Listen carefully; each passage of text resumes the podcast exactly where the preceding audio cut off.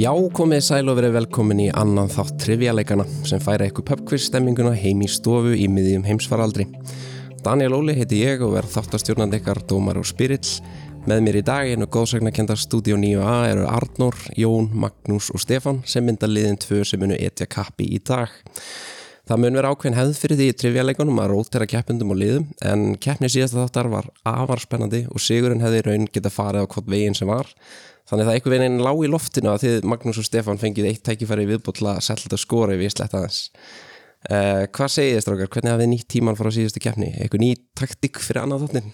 Ég sko, ég er búin að vera standandi fullur svo því ég við mun sko fagnarlætin frá því síðast voru alveg ég meina, ja. þau eru enn í gangi sko þannig að ekki þornað sko fersentimetra af mér.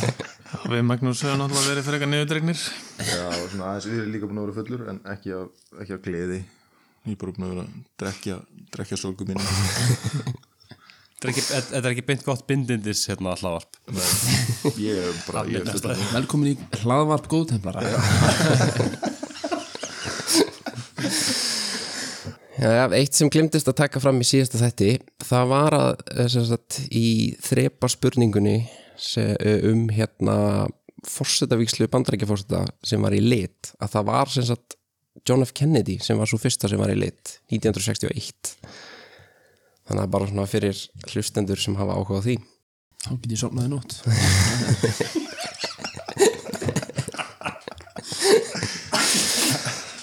Já, góði hlustendur, endilega spreytið ykkur á spurningunum sjálf, það er alltaf hægt að pása þáttin og hugsa ef þið þurfið meiri tíma. Endilega fylgjið okkur á Instagram eða Facebook til að fá fréttir á næstu þáttum og fleira raskemtilegu efni.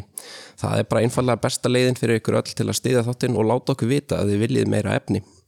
Svo ef þið lumið á okkur um skemmtilegum spurningum þá meðið endilega senda þær á okkur á samfélagsmiðlum eða á trivialeganir.gmail.com og það er aldrei að vita nema ykkar spurning rati í næsta þátt. En jæja, þá er komið að því að byrja á spurningunum. Líkt á í síðasta þætti þá er ég með nokkrar uppbytun spurningar til að koma ykkur á stað. Það er engi stig veitt fyrir þessar spurningar, það eru bara til gamans. Ég ætla að segja þetta að nefna nokkuð upp og þið þurfa að segja mér hvort um er að ræða bíómynd með Steven Seagal í aðhluturki eða bandarist strákaband eða boyband. oh boy Við ætlum að byrja ykkur á ykkur Jón og Arnur. Mindless behavior.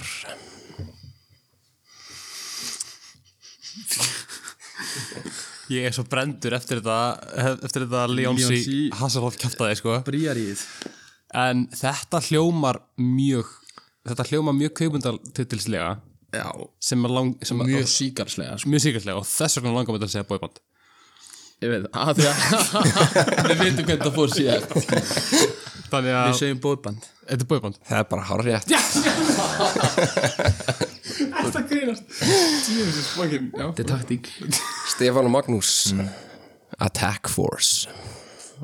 Sko, Þetta, já, þannig að gæti maður beitt sömu samhugsunum áttu og Arnur var að beita Þetta er nú, svo séru, hvað, viltu, hvað hugsaðu fyrst að þetta væri?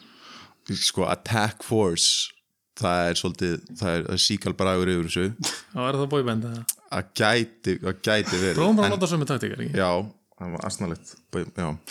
Attack Force er boyband Það er ekki rétt, þetta er klassík með Steven Seagal Jón og Arnór, Urban Justice ok sko þetta er Það gæti alveg verið bóðband sko Þetta gæti alveg, en ég myndi halda að þetta væri svolítið eldfimt til þess að heita boyband Mér þykir það mjög vafasamt ef það væri boyband sem heitir Urban Justice sérstaklega ef það er hérna eh, Kaukasus ef ef það eru kvítidrengir í bandinu þá er mjög skrítið að skýra bandið er Urban Justice Þannig að persónulega myndi ég vilja skjóta á hérna á Sigal Já, ég saman að því Ekki. Ekki, jú. Þetta er, Seagal, þetta er hinn síðherði hérna maður þetta er Seagal Harri. Er ekki stíf fyrir þetta? Magnús og Stefán, No Authority No Authority Wow Enn og aftur, þetta getur verið bæði No Authority Þetta er alltaf bara 50-50 tásap, sko, fyrir mér No Authority Hi, we're No Authority No Authority um, No Authority Ég held að það sé síkal Ok, bara Ég held það No Authority, Steven Seagal Þetta er strákaband Nei, oh my god Jón og Arnór, 98 Degrees Ég veit, er ég fegin að þessar, þetta er ekki rænt uh, spurningar. Þetta er þetta mjög sko, þetta getur verið að báða bóða sko. Þetta getur að búa að búa, sko að Því að, en, Þetta er svona stutt og snart Þetta er getur svo- verið bóðband sko. einmitt, sko En spurningin, sko, ef þetta væri bóiband þá væri það svolítið steikt að vera 90 degrees það er ekki það heitt, sko Nei, Þú veist, það var 100, 100 degrees, það var svona, ú, spennandi 456 Fahrenheit 90 degrees, það var svona, hmm Ok, það er svo heita, þetta er eins og vera, þú veist hérna, þú veist, 5 gráður á Celsius Já, en kannski þetta, þú veist, verið að tala um gráður sko, þessin Já, Ah, ó, ok, ok, ok Ah, eða Kelvin, Já, kelvin kannski er einhverjir efnafræðingar í, í bandinu Hvað voru það marga gráður sem var spurt um sig? 98 98 bara Já, rétt, 98 yfir, degrees. rétt rúmlega rétt horn þá ef það- ef það ætlaði að fara í Ég segi við skjótum á hérna band Já, Póiband, Band þetta er strákaband já, djöðlir við Þeir eru 343 Já, já, Bæði séð alla þessar myndir og hlusta á hlusta já, og það er skömma þegar við ekki heyrti í neina af þessum böndum sko. Stefán og Magnús, ykkar er síðasta spurningin Black Dawn Black Dawn Það getur ekki verið boyband sem heitir er hérstanlega samanlega Black Dawn Já, einmitt En Þú veist, ekki nema að það væri þá hvað, Kaukasus fjöllin hann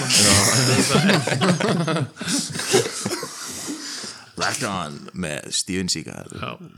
Ef það er mynd með Steven Seagal Ætla að segja það? Já. Það er rétt Þið náðu þessu þarna í andan Yes Þá er komið að flokka spurningunum Þær virka þannig að liðin skiptast á að velja spurningaflokk til að svara Flokkarnir eru alls 14 og þar að leiðandi 14 spurningar Spurningin verður borin upp og ef liðin svara strax fá þau áttastig Þau geta líka fengið að heyra fjóra svarmöguleika og fá þá aðeins helmingin á stigunum eða fjögurstig Ef liðið svara vittlust fær hitlaðið uh, tekifæra á að svara og stela fjórum stigum Já, við ætlum þá að leifa ykkur Jón og Arnór að byrja að velja flokk. Hvað má bjóða ykkur?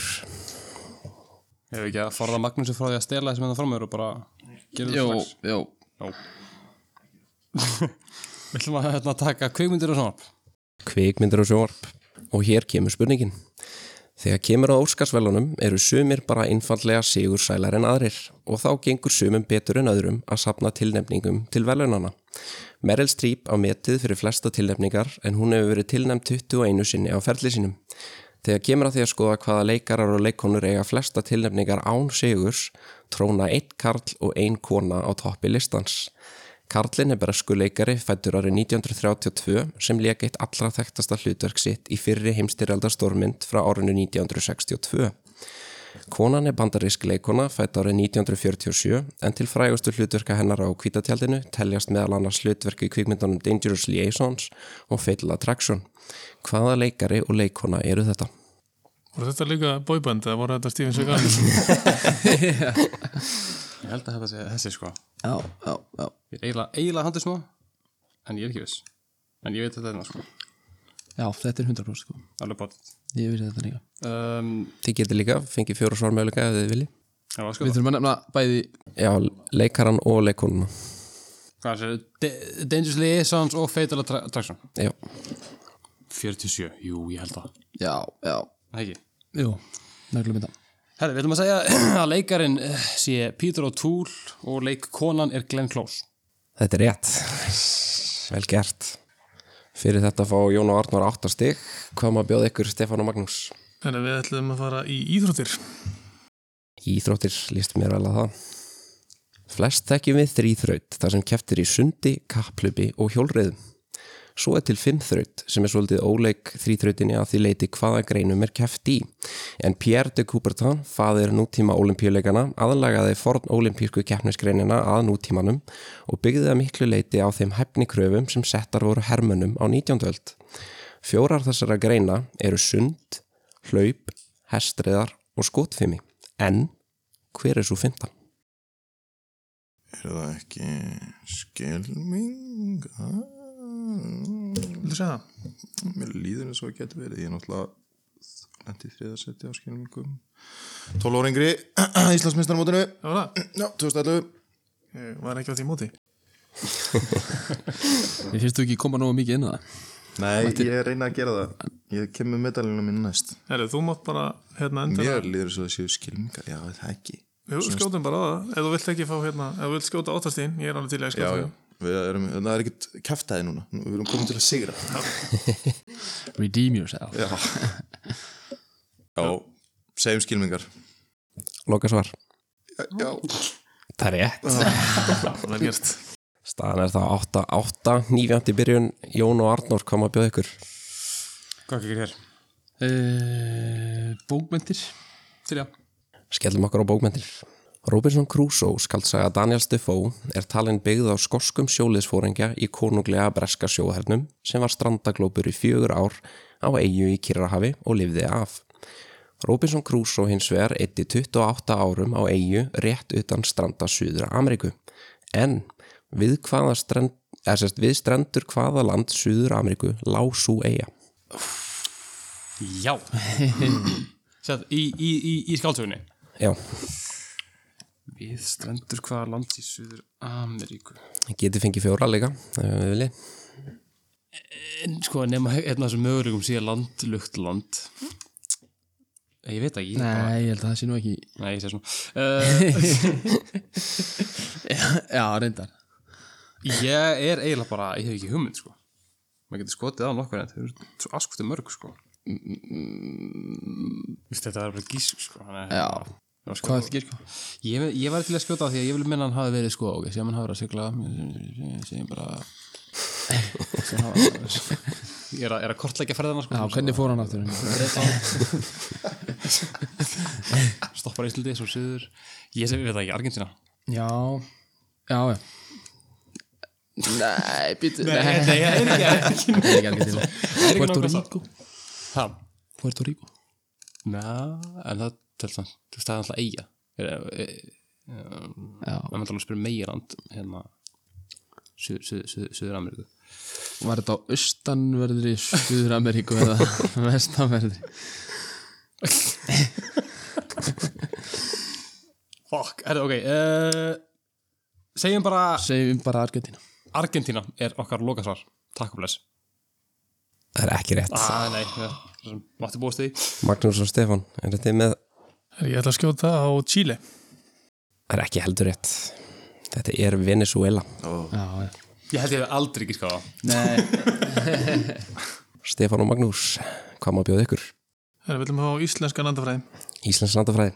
Vestmanneja er síðsta þéttbili Íslands. Grímsey er það nyrsta og Patræksfjörður er það vestasta. En hvert er austasta þéttbili Íslands? ég myndi nú segja Selfoss verða að vesta Nei, nei, nei Sorry, fína, fína pulsur uh, Já Vorum að Guðni Ágússon hlusti aldrei á þetta Já Ég bara, mér finnst það bara hljóma Svo getur náttúrulega að fengi þjóra sko.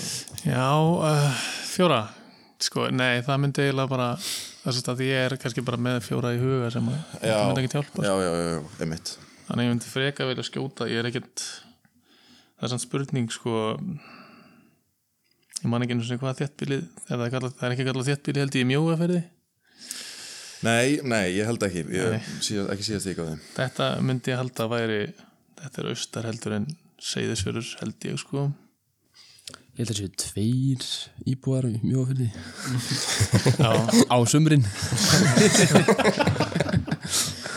þetta er það sem ég myndi vilja segja sko en Já, ég hérna, líka. Ok, þá segjum við neskustæður Það er hár rétt. Vel gert Ég veist, komið á það Stefán og Magnús taka það fórustuna 16-8.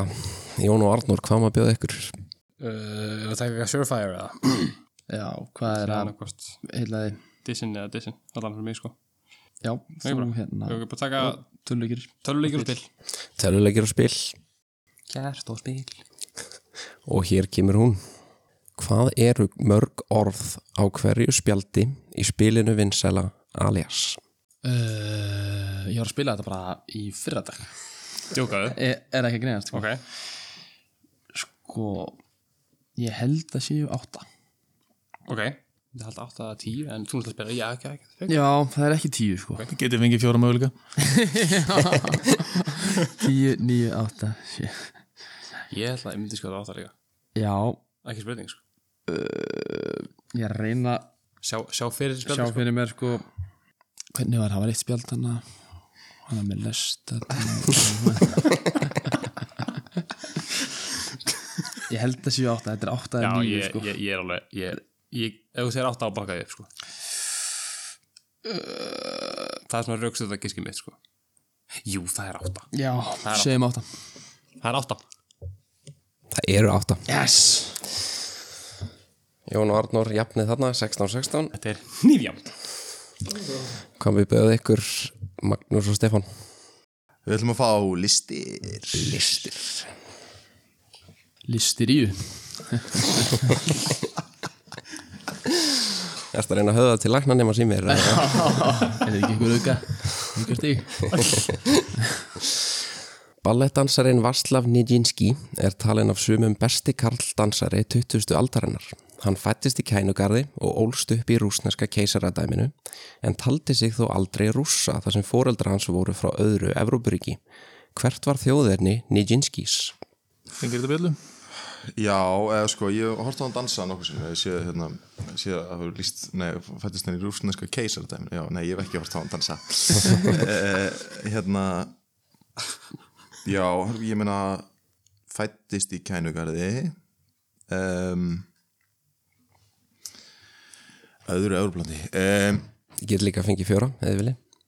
já, eigum að, Já, prófum það já, Takk að fjóra. já, Hér koma þeir A. Pólskur B. Franskur C. Ungverskur D. Rúmenskur hvað sem hann héti, Vaslav Nijinski Nidinski, Nidinski ættin er, Sko, vaksla fyrir mér eh, er kannski svona Tjekkland en samt svolítið ungverðan líka sko Já, ég líka, ég, Ungverland ringdi einhverjum, Ef að segja það já, Ungverland Loka svar Já, Ekki rétt Jón og Arnór Hvað sagði þetta? var Pólland Eftirstanda pólskur, franskur eða rúmenskur Mitt fyrsta- mitt fyrsta gísk var rúmensku, sko En Það getur verið afvegulega okkur með um staði svona át og nátt sko franskur einmitt sko, einmitt sko það einmitt gæti verið sko margir frakkar eru með mjög steikt, steikt nöfn sko það er svona multikulti þar sko, Já, ef við ekki bara skjóta Frakland ég segi það Við viljum bara segja Frakland Franskur Það er ekki rétt Tíðil Sanns að Nijinski talaði um sig sem pólvera Pólskur ég hef ekki, gisk- ekki, ekki gískað á það Jón og Arnór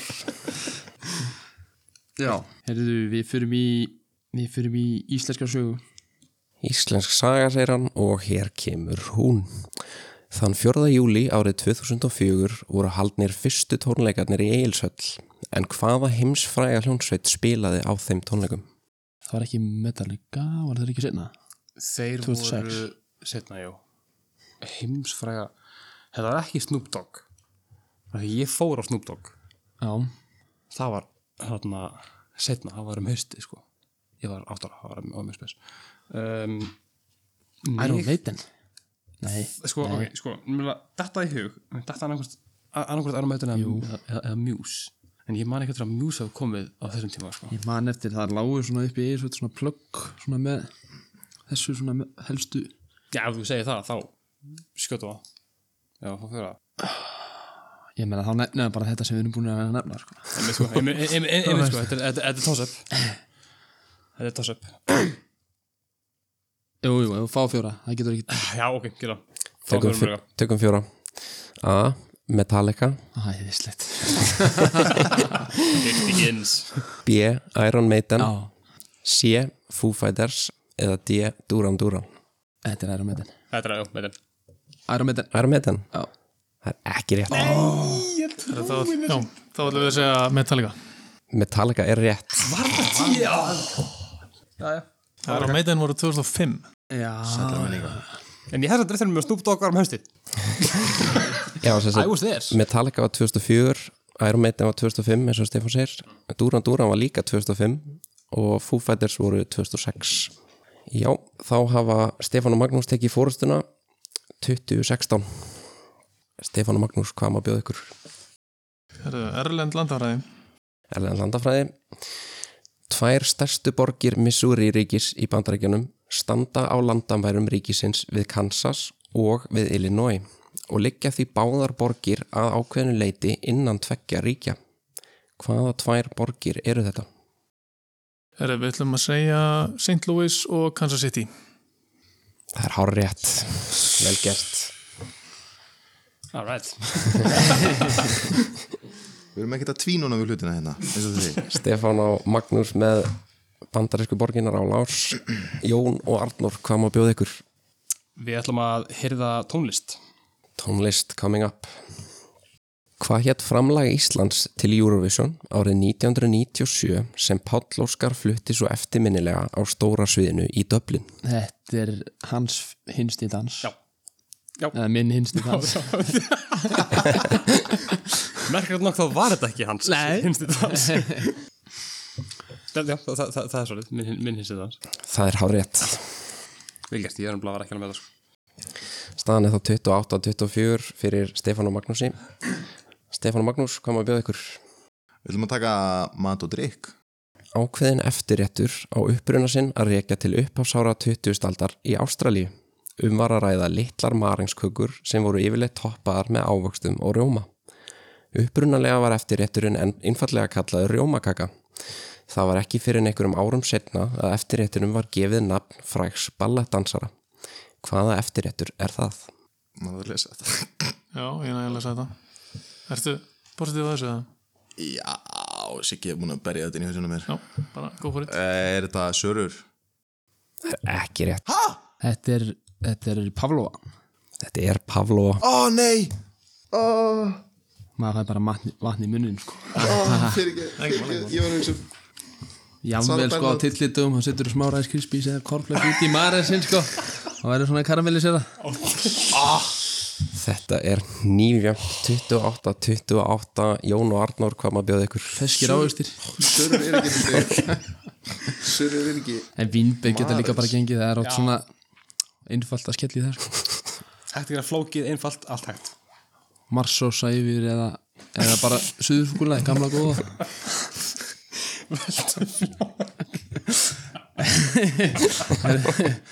Við ætlum í Pavlu Nei, hérna Ellenda sög Erlend saga Sagan segir að til að viðhalda fegur sinni hafi Kleopatra drottning Egiptalands baða sig upp úr ákveðnum matvælum. Hvaða matvæli áttu það að vera sangvært góðsögninni? Sko Getið fengið fjóra eða viljið. Þetta var eitthvað brjálað Já. Eða ekki ekki einfalt, annarkvort var það, þú veist, eitthvað Baðar þið ekkert mikið upp úr eplum Nei Haflóður kannski Marens Getur það verið Klístruðum Já, útsett skrámum Nei, sko, þetta, var, þetta, þetta, þetta er annað eitthvað brjálað eins og þú veist, eins og hunang Náttúrulega bara glórulega hugmynd Bara, eh, já, ekki, ekki snitt Eða þú veist, eitthvað einfalt eins og Eitthvað vín Já, eitthvað svoleiðis, eða- eða mjólk. Tómatsafi Það sagði eitthvað um, Ákveðnum matvælum Ég held að það erum þá möguleika, sko Já, við fáum mögulega Fáum fjóra. A. Hunang B. Arsnamjólk C. Röðvín D. Jakuksamjólk Það er bara allt sem við nefndum nema Jakobsa mjölk Þá áttum við eftir að nefna hana Mér langar af einhverjum ástæðu að skjóta á jaksamjölk Já, Þú veist, ég, já, ég, ég veitin Mér eins og ég, eins, eins og ég hafi heyrt, heyrt þá það er svolítið erfitt að baða sér upp úr hunangi sko. Það er mjög erfitt líka, bara koma úr Það er kannski ekki mikið aftur upp úr baðinu Svona, Bila alltaf óhald líka bara Samt, það er eitthvað sem heilla með við hunangi sko. Ég- Ég, mér líka sko, ég er svona, þú alveg bara Þetta er algjör tossar Getur verið útþynt og... Eitthvað út með jaksamjólk Já,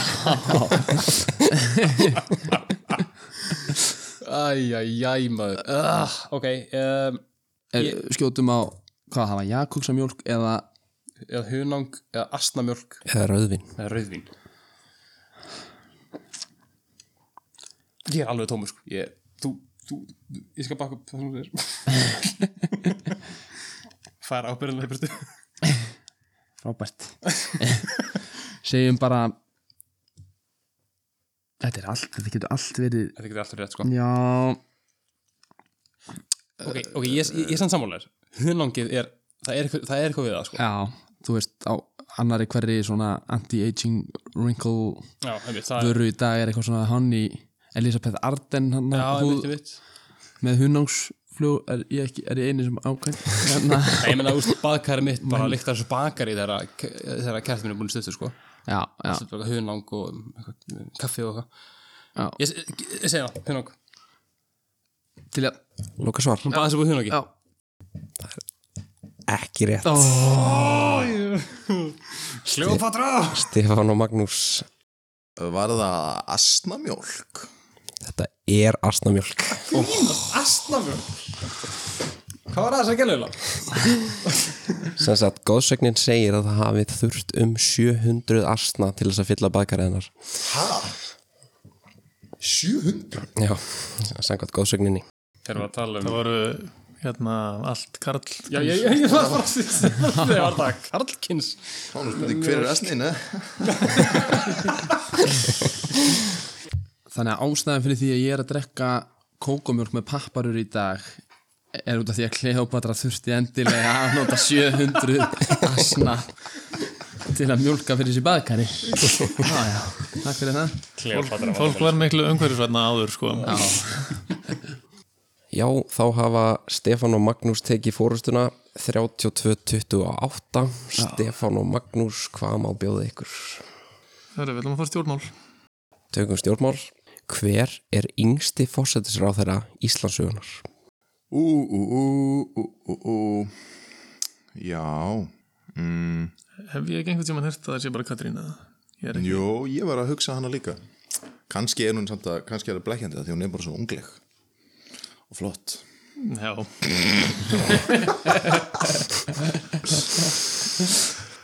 Eh, ég, Já, ka- Nei, heyrðu, býtu nú við Sigmundur Davíð hann er blekkjandi á hinvegin hann, hann er, bara, er blekkjandi á hinvegin hann var, ég held hann, hefur aldrei baðið sér upp úr asna mjólk hann Það bara væri það samt ekki eitthvað sem hann, hann myndi gera e- Jó, hann líklega síðan, sko. sko. Guðni Ágúst myndi mjólka það fyrir hann ég held sko ég, hann hafi ekki einu sinni ég held hans, hann hafi ekki einu sinni verið sko færtur Já, ok uh, En ef við, se- ef við byrjum með fjóra þá fáum við vantarlega þau bæði sem hjálpar okkur ekkert já, örgulega, ég held að það sé Sigmundur sko, en Já, ekki bara skjóta hann jú, jú Sigmundur Davíð, Gunnlaugsson Loka svar Já, Það er ekki rétt Jón og Arnar það er Katrín, þá lappa ég út. Hanna var fótunum heldur betur kipt undan mannum að þessu já, vaknaði þú í morgun bara Sigmundur Davíð er sá yngst. Það fyrsta sem ég sagði upp á þetta í morgun var sem um Davíð sko eftir þú borðaðir hakkið þannig að þá- Eftir að ég já. mönsaði Á rakkinu Ritz-keksinu. og, og styrtaði hérna asnamölkinu og hann í baðið sko Katrín Jakobsdóttir er mjög ung með að við stjórnmálakonu en mér líður eins og ég hafi ekkert séð þær fréttir Nei, þetta væri yngsta að þú veist um, þegar Sanna Marín tók við menn, það var bara allir fréttamælar heimsins voru bara þetta er yngsti já, já, fórsetis á þeirra Finnlands ever þannig að ég á svolítið erfitt með að trúa þessi Katrín Var það ekki líka bara yngsti fórsetur að þeirra allra tíma eða skilur þessi finnska Jú, hvort ef ekki sko það er að segja lög, löglega kjörni jú, ég held að í Austuríki, var hann ekki eitthvað eða það voru Austuríki eða Sviss hann var 29 ára eitthvað, Sanna Marín er fætt 80 86 eitthvað sko Já, já Nei, Eða Ég hugsaði Emil Jónsson já, ég hef bara, þá erum við þá erum Ef að fá, getum við fengið fjóra? Nei, Við getum ekki fengið fjóra þið fáu spurningarna eins og maður borinu við akkur fengur þið ekki fjóra ég hef bara, ég hef bara að taka safe eh, úst, Já, já, skjóðum bara á kattinu Katrín Jakobsdóttir minnstu grænum, Það er ekki rétt Þetta er Hermann Jónasson Þetta er Hermann við Hermann já, já. sem sagt, Hermann Jónasson var yngstur hann var 37 ára Já. svo kom Ásker Áskísson sem var líka fórseti hann var 38 ára en Sigmundur Davíð var uh, 38 ára líka en Katrín var 41 árs Já, Það er- það er mjótt á munum maður það er mjótt á munum asna mjölkin Asna mjölkin sko. Hvar farið maður asna mjölk í dag? Hanna í hérna bóndabúðinni hérna í lögadalum Lögur Já, já, já, ég er að Það kíkja fari- hangað sko. Mér er ótt verið líkt við Sigmund nefnilega sko. Jón og Arnór kom að bjóða ykkur Hvað er þetta náttúrulega vísindi? það er alltaf það er síðustu einu sem tveir er- flokkar Það tökum við náttúruna Já, náttúrulega Náttúrulega Náttúrulega Helnatúr Utanum brjósthól mannslíkamanns um liggja rifbein sem verja innri líffærin. Yfirleitt er fjöldi þeirra sá sami milli einstaklinga en sumir geta fæst með fleiri og aðrir með færri rifbein. Hvað eru rifbeinapör mannslíkamanns mörg? Þá er sem sagt að tala um pörin, sem sagt eitt hægri og vinstri, tvö hægri og vinstri skiljið. Ok, þetta er aldrei fráganga allir, allir í herbygginu eru að þykla á Þetta er hann að telja Það er nefnilega, já það er trikki að telja. Þannig að Þetta, þetta kemur frá læknarnema sem hefur talið sko 6, 8 Eru ekki fleiri? Ef ekki að fá fjóra velmöðuleik Ef ekki, ef ekki, ef ekki að hendi 12 Það er, já Nei, mér finnst það helviti mikið Já, ég Pör er sko, sammála- við erum að tala um pör En þetta er samt alveg, þú veist Já, en þú horfir á, þú veist, svona beinagreind Já, Í hugarleginu já Hérna Ég myndi vilja skjóta á 8 Já, Já, vel 10 það hljómar vel sko Ég veist 12, Þegar 10 10 og 12 mér finnst það helviti greimt sko Já Ég er, ég tekur undir þér 8, jável sko 7 Heldur það?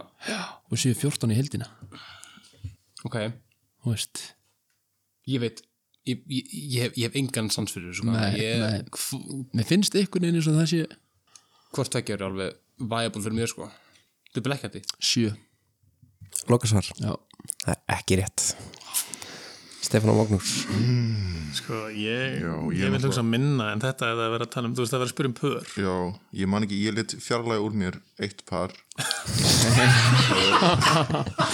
Bittu Já, ég tók hérna Ég tók man, mannsoninn eins og um. þetta er henni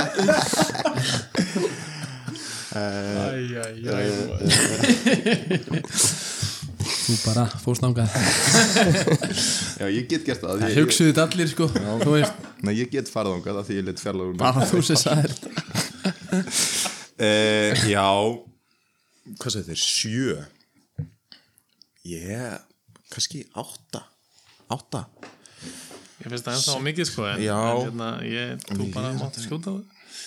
Langt síðan ég séð beinagrind sko Mér Finnst þér svo að það er að vera eitthvað minna, sko?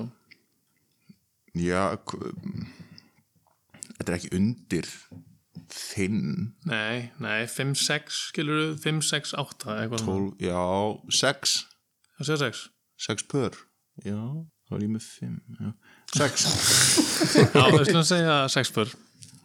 Sex pör, Ah, Já það er ekki rétt Þetta eru 12 pör Þetta eru 12 pör 12 Það var fyrsta höns Shit, En vá hvað það er mikið Þetta er mikið að reyndunum Já, og Magnús er bara með allir Það er sérst trikkja því að efstæða fyrsta er sérst undir viðbyrn þannig að ef þið teljið þá- Ah. Já, það hlaut að vera Þannig að maður hefur ekkert farið að krukka í beinagrind og þá veit maður þetta ekki Maður hefur aldrei farið að hérna, grafa fyrir Þegar við ætlum að fá þá vísindin. Vísindi síðasti flokkurinn Hefur ekki bara takað það? Jú, við tökum það. já, já Frumefnunum 118 er raðað í töflu sem kallast lótukerfið Frumefnin eru svo frekar táknuð með efnatáknum sem eru einfallega bókstafir sem tákna frumefnin.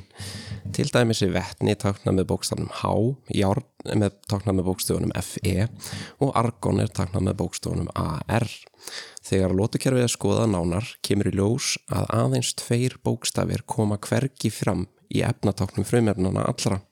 Nefnið allavega annan þessara bókstafa. Sko, ég fjall í efnafræði 100, sko. Já, ég Ég er bara að taka Same. aftur núna Þurfti á morgunni. Taka efnafræði uh, uh, Sko, ef við fáum valmöguleikana, erum við þá að fara að fá bara, þú veist, vantarlega einn af þessum stöðum, eða skilur við? Já, þá fáið þið sérst bara þrjá ranga og eitt réttan. Ef að ef að taka valmöðulegana Já, ég held Þá getur að, allan að Ég held við þurfum þess já, ég held að að líka. Beitt ykkur útlungunar að það fyrir Fá fjóra. Já A X B J C Z D, tvöfald vaff Vá, vá hvað rugglaði mig, þú sagðir tvo stafi Sem sagt, Þetta er sem sagt X, J, Z eða tvöfald vaff Ég sko, A, X þú veist, hvað er synk? Er synk? Synk ekki með sér? syng með setu Ég veit það ekki En mér, en jóð, er Já. það ekki með jóði eða þú veist, er það ekki jóð nei, ég veit ekki, hérna, það veist, heitir jóð ekki eitthvað annað á ennsku uh, jú, öruglega Það er örugglega eitthvað, ég held að það sé jóð, sko heldur það að sé jóð Já, maður sjá, byrju, hvernig uh, Já, já, ég veit ekki Nú, ég, nú ætla, ég- ég er búin að taka allt og margar ákvarðanir og það eru alltaf verið vittlisar Ha, Ég er bara nei. að draga okkur niður og... þetta er rosa mikið Nei, hvað með, það- hvað með tvöfaldaf? Þetta er þú- allt þú eitthvað gerir það verra, sko. Ég veit það Nú erum við að hugsa miljónum sem það sé ekkert sem er með tvöfaldaf já, mér líður eins og sé ekkert af þessum stöfum í lútukerfinu, en þú veist það eh, getur ekki passað Ég er að hugsa jóð eða tvöfaldaf ég er bara fyrir X eða Z, nei, ok, hérna tvöfaldaf, segjum bara tvöfaldaf við okay. bara, förum bara niður með því skipi Já E, Eða upp með þeirri rækint er, já, tvöfaldaf Lóksvar já, þess að D tvöfaldaf Hvort ætla að segja D eða 2 Það er ekki rétt Jón og Arnór, eru þið með þetta? Já, þetta er, þetta, þetta er jóð Já, þetta er jóð, jóð er íjón eða íjó, íjóðín a- á ennsku Þetta er jóð, það er rétt En hver er hinstafurinn? Ég veist það ég veist það ekki Eh, sko þetta er sem sagt jóð og kú sem koma hvergi fram uh, X kemur fyrir í Xenon uh, Zeta kemur náttúrulega í Sirconium og, og Sync já, náttúrulega og, og tvöfalt af kemur fram í Wolfram og jóð er sem sagt Iodine á ennsku þannig að Hvernig er það, er það í N eða í D eða í Ég er, samt, eins og sé, Já, ég það er er bara að bara taka í- efnafræði núna næstu en og ég kem fljúandi inn eftir þetta Ég er bara að spyrja í fyrsta tíma, er ekki rétt? Þetta Vissið þú? Já, þá er flokkarspurningum lokið og með þessum síðustu fjóru stigum hafa Jón og Arnór jafnað það er, staðan er 32 32 nýfjafn Titilvörnin skerpist Við förum þá í bjöllu spurningarnar þar sem liðin keppast um að vera fyrst á bjölluna, fáum að heyra í ykkar bjöllu Stefán og Magnús og í ykkar Jón og Arnór. Glæsilegt Af hverju skiptu þið ekki? um, sæ- um, sæ- um sættar þess til að ruggla alla hlustinnar. Við erum nú bara á öðrum þætti, ég varst að maður hlustundur sé fannar að þekkja bjöllubjóðan Þú ert að vanmeta, vanmeta aðdónuna Þetta eru tíu bjöllu spurningar, áttastig fyrir hvert rétt svar. Hér kemur fyrsta bjöllu spurning. Góstrykkir eru alls konar og þeir eru jafn fjölbreyttir og þeir eru margir. Til eru allskinn sortir, síkulusir, koffínbættir, próteinbættir, vítaminbættir og svo mætti lengi vel telja. Þeir hafa líka ímis nöfn sem geta táknað ímsa hluti. Til dæmis merkir nafn góstrykkjarins sínalkó án áfengis. En nafn hvaða íslenska góstrykkjar er einnig hægt að lesa sem rómverska tölu. Þetta er Jón og Arnór. Já, já, já, já, já, já, já. Þetta er, þetta er, þetta er, Þetta er þetta er, mixið. þetta er Egil's mix Þetta er mix, vel gert. Talan er 1009. Hóli sem var ég Svinna mikið spurning Jón og Arnór taka fórstuna 40-32 Við förum í aðra bjölluspurningu Lægið ódöðlega Bohemian Rhapsody kemur fyrir á stúdíóplötunni A Night at the Opera sem hljómsveitin Queen gaf út árið 1975. Lægið er um 6 mínútur að lengt og endar á línunni Any Way the Wind Blows. En á hvaða línu hefst þetta er Stefán og Magnús? Mamma Er ekki, ja, Hæ? er það línan? Nei, það er ekki hérna Mamma, I just Killed a man. a man Put a gun against his head Jú, eh, nema þessi einhver línan undan sem við glemum sko en, en annars skulle við skjóta þetta Dun, dun, dun, dun, dun, dun Mamma Just killed a man Jú, jú Það er ekki rétt. Ha? En á hvaða línu hefst lægið? Ég held Ég held að það var rétt sko Prófa, prófa ekki skaftur á það sjá það. Ég vissi þetta væri ekki rétt sko En ég er samt alltaf bara Við erum með dómaran á okkar Á launaskrá ah, Býtu, býtu uh, Hvað höfum við mikið tíma í það? Uh, búin, að, búin að dingla til öryggis Fá, ok, býtu, ég ætla ég- Ok, Ah, býtu Fá, Uh, ah, ég var, manið ekki Er það Just Kill Them? Nei, það er bara ekki það sko Það kemur sérna Það er verður alveg ekki lína sko máða þannig að, þú veist, ég myndi vilja Já, þetta mama hann í byrjun eðlega svar Já ég er alveg Gah, Ég er að Sko Hvernig byrjar þetta? Hvað er með Já, ég, ég er að- ég er að reyna að hugsa um Náðu- Danni, náðu gítarinn. gítarinn Anyway, the way Wait, wait, wait Anyway the wind Doesn't really Ég Nei, það er ekki Nei, ég veit það, en ég er samt ekki eða miklum tími í þetta, sko, en ég, að því að ég bara ánd, að, að, að, að, þetta kemur ekki, Fáum upp fjóra sko. Fá fyrir málum líka. Uh, ég er að brjálast, sko. P- P- Piano? Já, ok En hvað er með Já, þú? ég, ég, Mátt nefna hvaða hljóðferði við smir Það sé mér ég, ekki dun, dun, dun, dun. ég, ég er ekki með þetta, þetta er ekki að koma. Þetta er ótrúlegt. Dun dun dun dun dun Dun dun dun dun dun Mamma.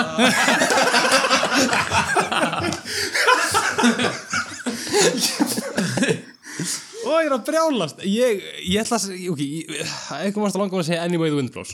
Endar, endar á því, en, en, en, en, en, en, en, en, en ég, það, ég, ég bara, ég næ ekki þessari línu upp í hausnum mér. Þú veist, maður hefur heyrst þetta lag svona 16.000 sinnum. Þú veist, þetta- þetta þetta var á playlistanum þegar ég var að kæra hring, í kringu landið í sumar, en ég heyrði það svona 5 sinnum í sumar. Du-du. Du-du-du-du. Já, hvert er loka svarið ykkar? Du-du. My time has come Það kemur á eftir, mamma, nei það ekki ykkur bara tíma þetta verður allt klift út My time has come. Við erum ekki með þetta. Ok, ok, ok, ok, ok, ok. Today My time has come Það, today my time has come Það er ekki rétt Ég þarf að, ég þarf að, ég þarf að hoppa nýra á sörlum þér hér í þetta svari sko því að- Is this the real life? það væri einhver önnur lína þú veist það gæti ekki verið skilur þau Bohemian Nei, þú veist eitthvað skilur þú veist það var ekki Kliftu alla spurningun út og spurðu okkur ykkur Ef að, ef að Jón frændi er að hlusta, sorry, í alvörunni Freddy Mercury er að hlusta Sorry Þriðja bjöldurspunning 27 klúburinn er listi yfir þá fjölmörgu frægu listamenn sem dóu á 27. aldursári. Nokkrir af frægustu meðlumum klúpsins eru til dæmis Janis Joplin, Jimi Hendrix, Brian Jones, Jim Morrison, Kurt Cobain og Amy Winehouse. Á flestum þessara lista vantar þó frægan Íslending. Þetta er Jón... Nei, fyrir ekki, þetta er Magnús og Stefán. Þetta er uh, Hann hétt uh, Siggi En tók upp listamannsnafnið Keiko Þetta er Keiko, vel gert Vel gert bara ætla að koma því að því ég ætla að fara að tala um hérna kvikmyndaferilin hans og hvernig hann fór ungu til Kanada og síðan til Mexiko þar sem hann var uppgötaður af kvikmyndaheiminum en eh, já, og svo lest hann á Lúnabólgu í 27 ára í Noregi Siki Majónis og Keiko er sem sagt tekið úr japansku og þýðir sá, se- sá hefni Keiko Tíu á tíu Stefán og Magnús Jafna, staðan er 40-40 Kikkoman Sojásósan Dreifur nafnsitt af Kikko Disrespectful Fjórða bjöldspurning Morðið á Frans Ferdinand ríkiserfingja Austuríkis og Sofíu eiginkonu hans þann 28. júni 1914 hlifti af stað einni mannskæðustu styrjöld setni tíma fyrir heimstyrjöldinni. Orsaki stríðsins voru flóknar og markþættar en þegar uppi var staðið var það morðið á Ferdinand sem að var nistinn Gavrilo Princip Drapp Frans Ferdinand Hanna, 1914 Og, og, og, og hérna, uh, hópurinn sem að hann til er hétt Svarta Höndin, Höndin já Þetta var í, sem sagt, Sarajevo Þetta var Sarajevo og Frans Ferdinand var Ég verða að stoppa ykkur, þetta er rétt Við erum að spyrja í hvaða borg þau voru myrt og þau sögðu að þetta var í Sarajevo Stanað á 48-40 fyrir Jónu og Arnóri Fymta bjöllspinning Mörg heiti mánaðana eru komin frá Rómveru sem dæmi má nefna janúar sem nefndur eftir rómverska guðinum Janusi júli sem nefndur eftir Júliusi César og ágúst sem nefndur eftir Ágústi- Ágústusi keisar Rómaveldis Eitt mánaðana er nefndur eftir rómversku hugtaki sem merkir hreinleiki eða hreinsun en í þeim mánuði fór fram hreinsunarháttíð í Rómaveldi Hvaða mánuður er það sem dregur nafn sitt af þessu rómverska hugtaki hreinsunar? og það mátti hérna sömna alltaf þetta Ertu með það? Þetta er Magnús og Stefán Janúar, februar, mars, apríl, mæ uh, Hreinsunarháttíðin Hreinsunarháttíðin ég, Já, ég hef heyrt eitthvað heyrt talað um þetta um, s- s- hre- ég, eh, hérna já, já Ég er ekki viss sko en þú, það nefndi þess að janúar uh, hvað, að júli, júlí, og ágúst ágúst um, feb, februar februar um, mæ um, Já, eigum við að segja Dene, Þetta er að besta sem þetta er hug sko en það geti vel verið eitthvað annað sko já, Er ekki bara gíska á það? jú Já, gíska á mæ Það er ekki rétt Við sko, við ætlum að taka mentagísk Ég fer einu sinni í bað á ári og það er í februar Það er fyrir þorrablótið þannig Baða mig upp úr rastna mjólk Blandar þú hunanguð Já, en við ætlum að segja februar Februar er rétt svar Jón og Arnór fara þá í 56 stig á móti 40 hjá Stefán og Magnúsi Við förum í sjöttu bjölluspinningu Þegar kemur að þjóðfánum eru sumir litir vinsælli en aðrir Þetta er ekki bara spurning um vinsældir því sumir litir voru einfallega dýrari og erfæðari að fá forðum Þeir henduðu því illa til fjöldaframleidra fána líkt og til dæmis liturinn fjólublár en sá litur var oft tengdur efnið um konungsfjölskyldum Það er einungis eitt ríki í heiminum sem ber ekki neitt þryggja vinsælustu litana í fána sínum Þeir litir eru að sjálfsögðu rauður, hvítur og blár í þessari röð Þetta er Stefán og Magnús Sko, er það ekki Jamaica er með, sem er með ekki neitt af hvað það eru það er ekki með Rauður, hvítur og blár það er ekki rauður, hvítur og blár grætt, svartur, gulur Veitu hvað, sagði hann ekki bara þrýr? Nei, ykkur sem er ekki með þrjá vinsælstur í litina Við erum svar Jamaica er allavega ekki með neina af þessum litum hörðuðust átt uh, Nú er ég að hugsa um eitthvað annað mm, Já, hvernig er íslenski var ekki Turkmenistan sem er nánast bara græn eða? Já, en eru þeir ekki með eitthvað í miðjunni? Jú, eða ekki bjóðnin svona- eða eitthvað tjö, já, Jú, getur verið En Eh, ég meina, já, efst, já, Jamaica er ekki með neitt af þessum litum Ok, Jamaica Jamaica Já, máttu, það er Tekur þetta tilbaka Jamaica Jamaica menn Það er ekki rámt Þetta er rétt Vel gert Sem sagt, það er Jamaica Uh, Það var Máritania Þeir voru sem sagt bara Fatnaði þeirra var græn með gulri, sem sagt, gulum hálmána á stjörnu en þeir bættu rauðum röndum í fánan 2017 Hvað er að gera það? Já, það er til þess að vera, eru populistar Þannig er þá 56-48 fyrir Jón Arnóri við fyrum í sjöundu bjöllspurningu. Hið gríska goð Hades var sonur þeirra Krónosar og Reu. Hann og bræður hans skiptu með sér yfirráðum yfir heiminum. Seifur skildi ráð yfir himninum. Hades erði guð undir heimana og Poseidon var guð hafsins.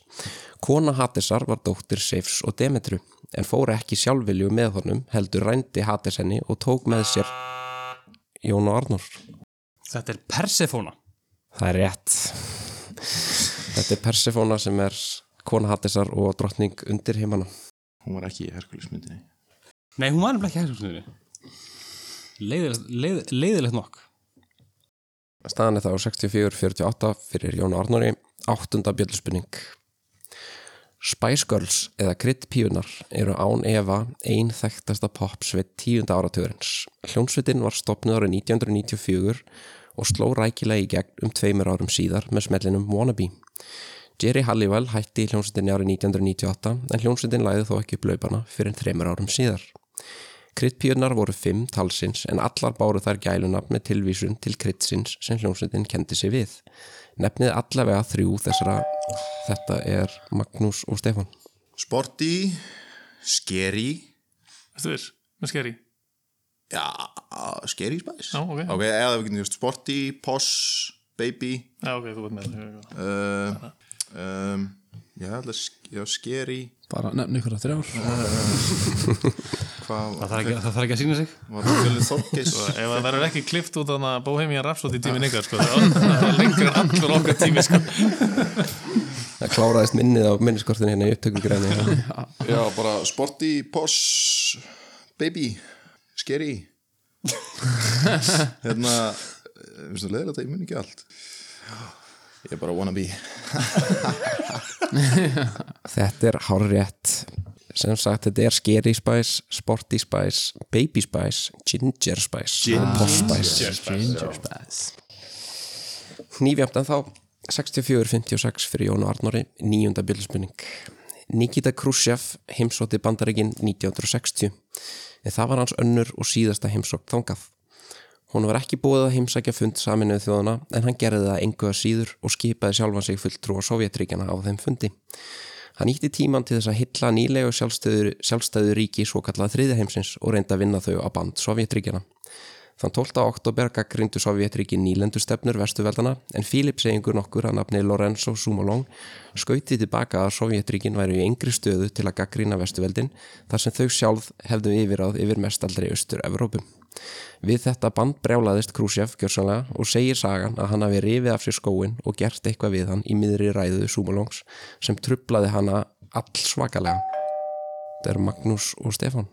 heldur að hann hafi ekki bara gert þarfið sínar í skóin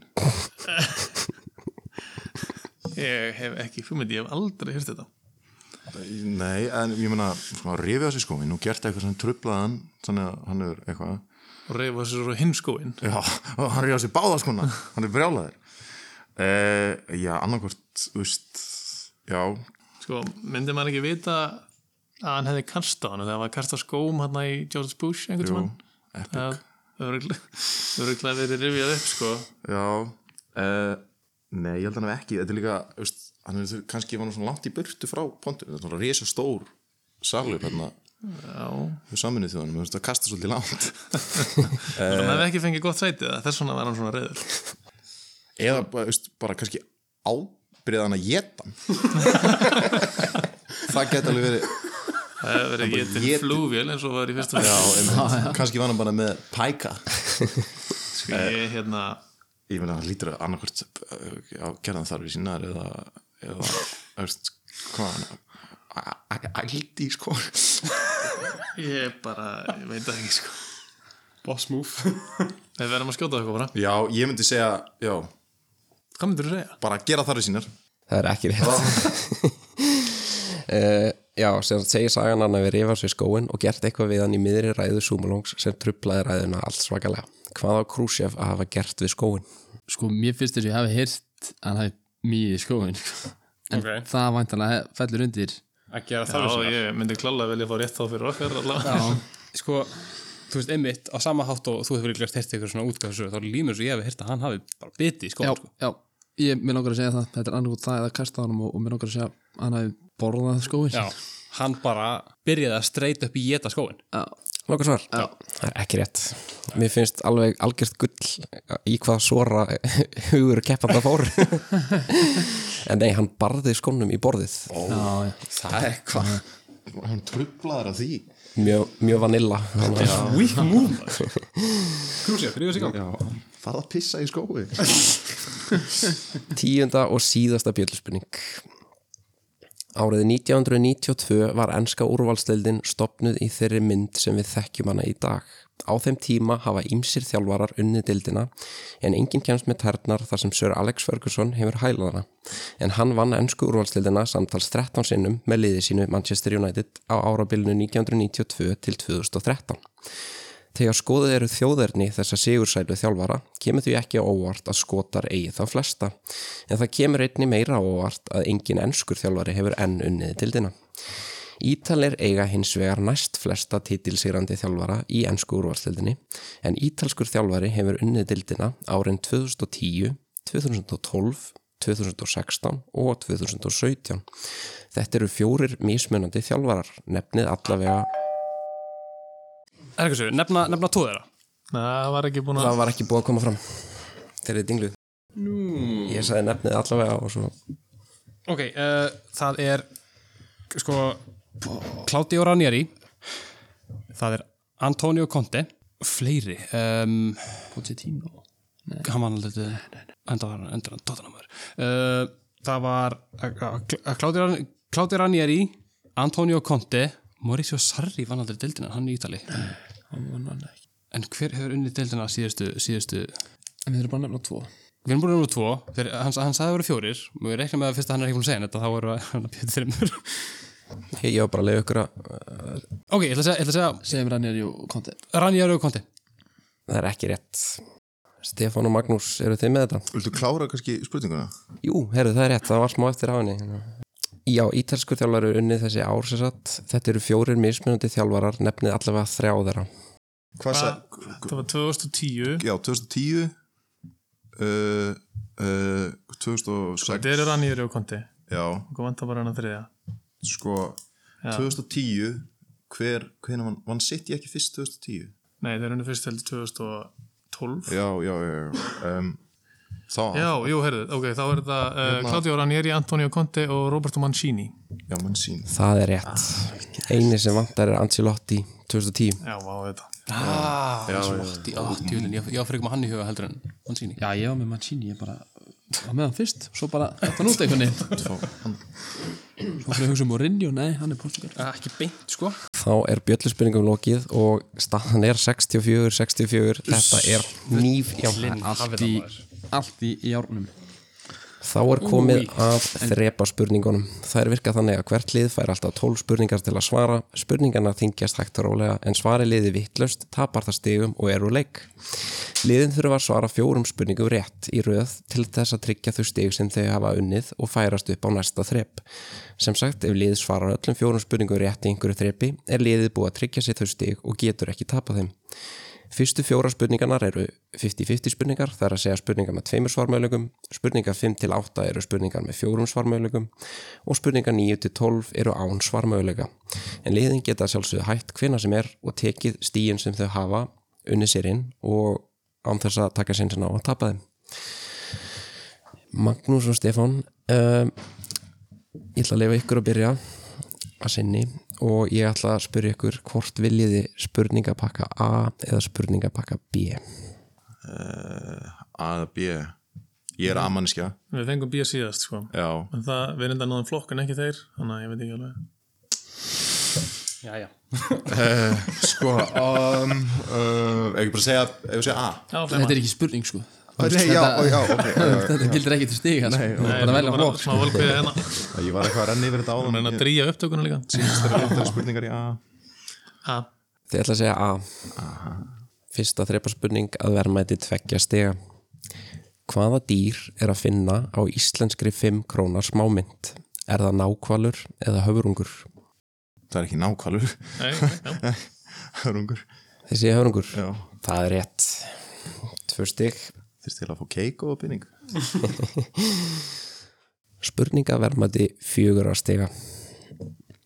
Hver er höfuðborg Kanada? Er það Ottawa eða Winnipeg?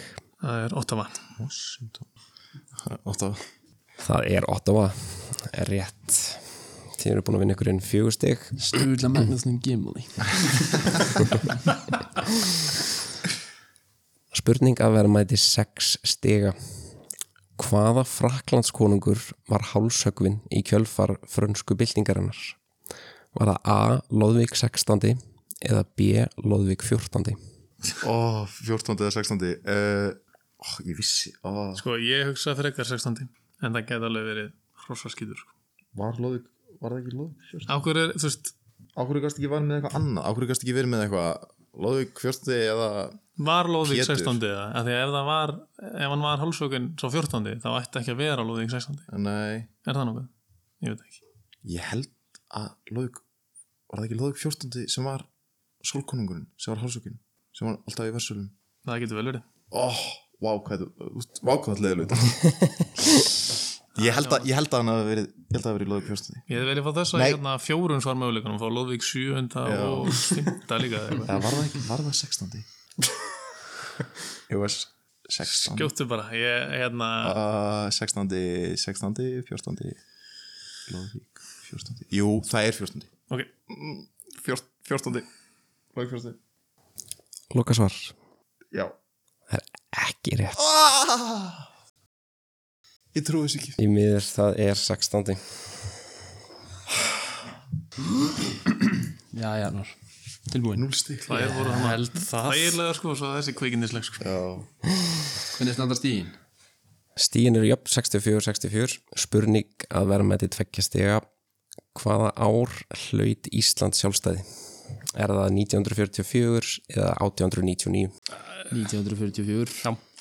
Það er rétt Þetta voru tvö stig Spurning að vera mæti fjögur á stiga Af hvaða tegund var súpudús sú sem prýtti eitt frægasta listaverk Andy Warhol? Var það Knorr eða Campbells? Það sem sagði, Campbell Campbells er rétt svar þá förum við í þriðju þreiparspurningu að vera með þetta í sex stiga hvaða fljót er það sem á upptök sín í Klettafjöllum og myndar náttúrulega landamæri milli Mexiko og Texas er það Rio Grande eða Mississippi Rio Grande Grandi Ríó Grandi eða Ríó Brav lokasvar, Já, Grandi það er rétt þá er það spurninga vera með þetta áttastiga síðasta spurning í fyrsta treppi í hvaða borg eiga sjónvastættinir vinsælu Cheers að gerast er það í Boston eða í Chicago Þetta er í Boston eða ekki Where everybody knows your name Nei, þetta er Chicago Þetta er Chicago Já, ég tristi þér frekar sko. En nú er ég ekki viss Og nú- ég er bara sem að horfa ekki á þá Ég held að þeir við þetta 100% sko Freysir fer til Seattle Já, flott, já, hún er Flott í honum Ég, ég, ég einhverjum ástæðum bara Datt ég beint á Chicago sko En þú dætti beint á Boston Þannig að þetta er, þetta er tóðsaf sko Þetta er Chicago Er þetta Boston? Ég, ég segi sko Ó oh, nei uh, Þeir eru alveg svo norm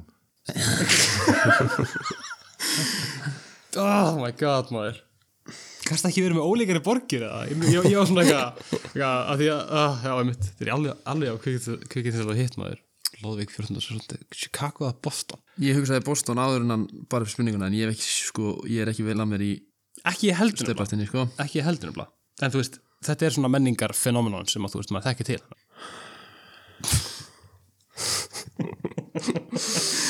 Oh my god, þetta er 3-1 sko um, Það er engin skömm að tapa þar þú veist, ég, ég veit þetta ekki sko Nei, ekki heldur En ég hugsaði Boston þegar Já. sko áður en hann sagði valmöðunleikana Ok, ég var að veðja á það eða að taka 60 Annars erum við nýjafnir enn í þrýðutana sko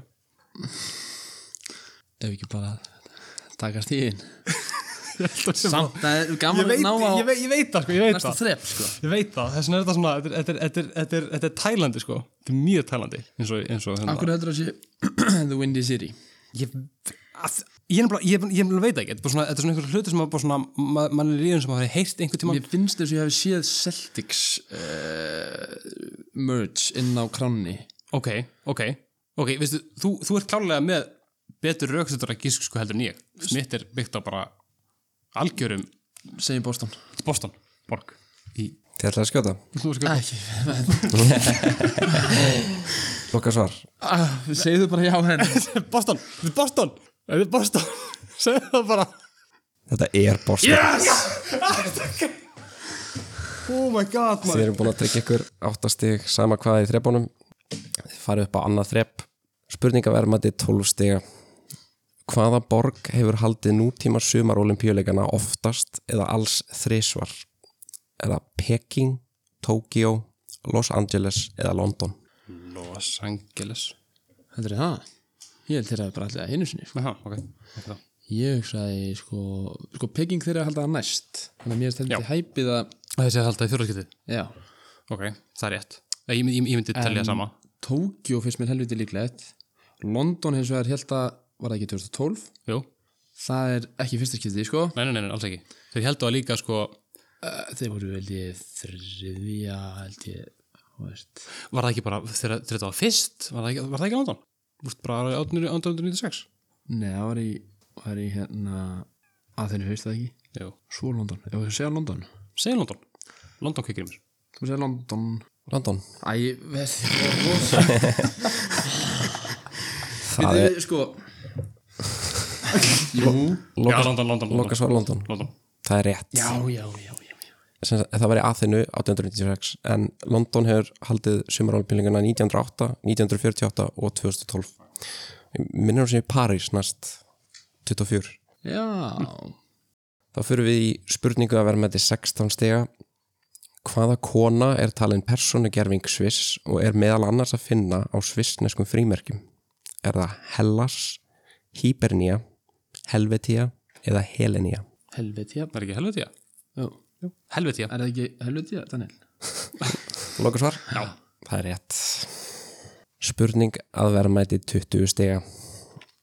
Hvaða leikmaður enska landslinsins í knaspinu skoraði þrennuna sem tryggði þeim heimsmestratitilinn árið 1996, nei, 1966? Var það A. George Best, B. Bobby Charlton, C. Nobby Stiles eða D. Jeff Hurst? Ég held að ég held að þessi bestarinn, já. George, George Best. George Best. George Best, lokasvar. Æ, ég vilti hægt með þetta, já, þetta er loka svar. Það er ekki rétt. Hæ? Hann er ekki enn Hann er, já. Þetta er Jeff Hurst. Já, ok. Jeff Var þetta ekki þarna Nobby Styles? þið dettið þannig niður úr 20 stífum í 8 stígin sem það er unnuð í Fair fyrsta enough. þrepi Fair enough. sem þýðir að staðan er bara 72-64 og það er ennþá allt opið fyrir loka liðin í keppninni Þarna fyrir Óli með það. Þú erum að svo góður í siglingum, eða? George Best er ekki svona fucking ennskur. Hvað er hann? Oh. þá er komið að loka liðnum sem er þrýþrautin í þrýþrautinni verða borðnar upp þrjár spurningar og fást fjögur stig fyrir hvert rétt svar þannig að liðin geta unni sér inn alltaf 12 stig í þrýþrautinni er alltaf eitthvað þema í síðasta þætti var það fræg dýr en að þessu sinni er þemað draugar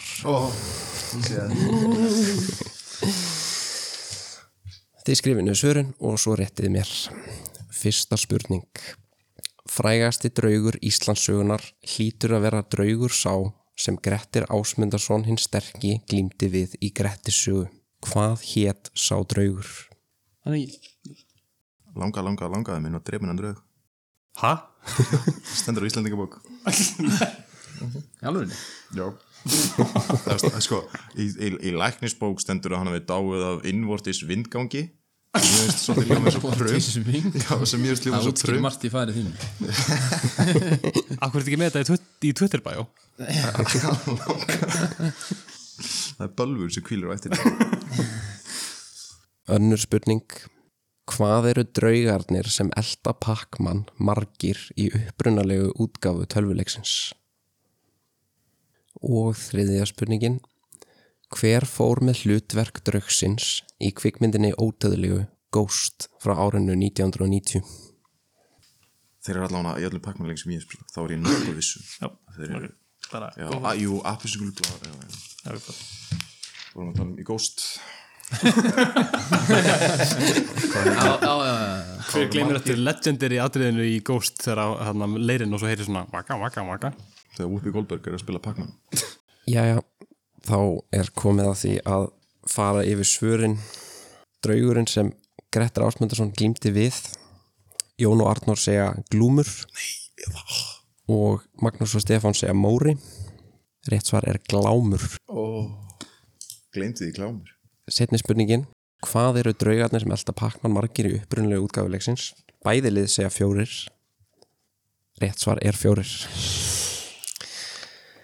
og síðasta spurningin hver fór með hlutverk draugsins í ódöðlegu kvikmyndinni Ghost frá 1990 Sko, varstu að tala um hérna draugin sem kemur í lestinni og öskrar á hann? nei, það er bara aðaldraugin ekki grípikaðan í lestinni Já, ok, ok. Bæði lið sögðu Patrick Swayze og Patrick Swayze er rétt svar. Bæði lið fá 8 stig sem þýðir að leikar enda 80-72 fyrir Jón og Arnór.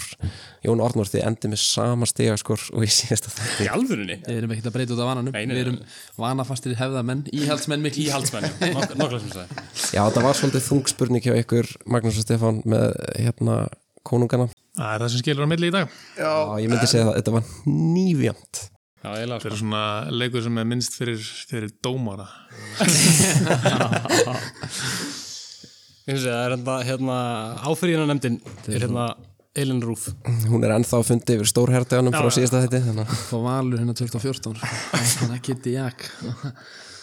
Hvað segir Jón og Arnór? Þið eru Sáttum við kemna í dag Við erum mjög sáttir sko Já, já, já. Já, bara býðum eftir næsta þetti því það er greinlega annað þá til að útkláða þetta En Þetta, var- þetta var drullu jæmt Þetta var nýja Það er bara from the get go sko. Magnús og Stefán, hvað segir þið? Það er bara heim að drekka Þetta var grátlegt, þetta var ekkert smájamt Já, það er svolítið Já, já, já spurningahöfundur er ekki með okkur í liði Hann þarf svolítið bara að eiga þetta á sinni samvisku sko. Já, já við viljum pakka B næst allavega Já, þeir eru ekki miklu amenn Nei, Já, það er nú þannig að þess að í báðum hérna, þáttum hinga til hafa, hafa B-pakkin, hann hefur klárast sko.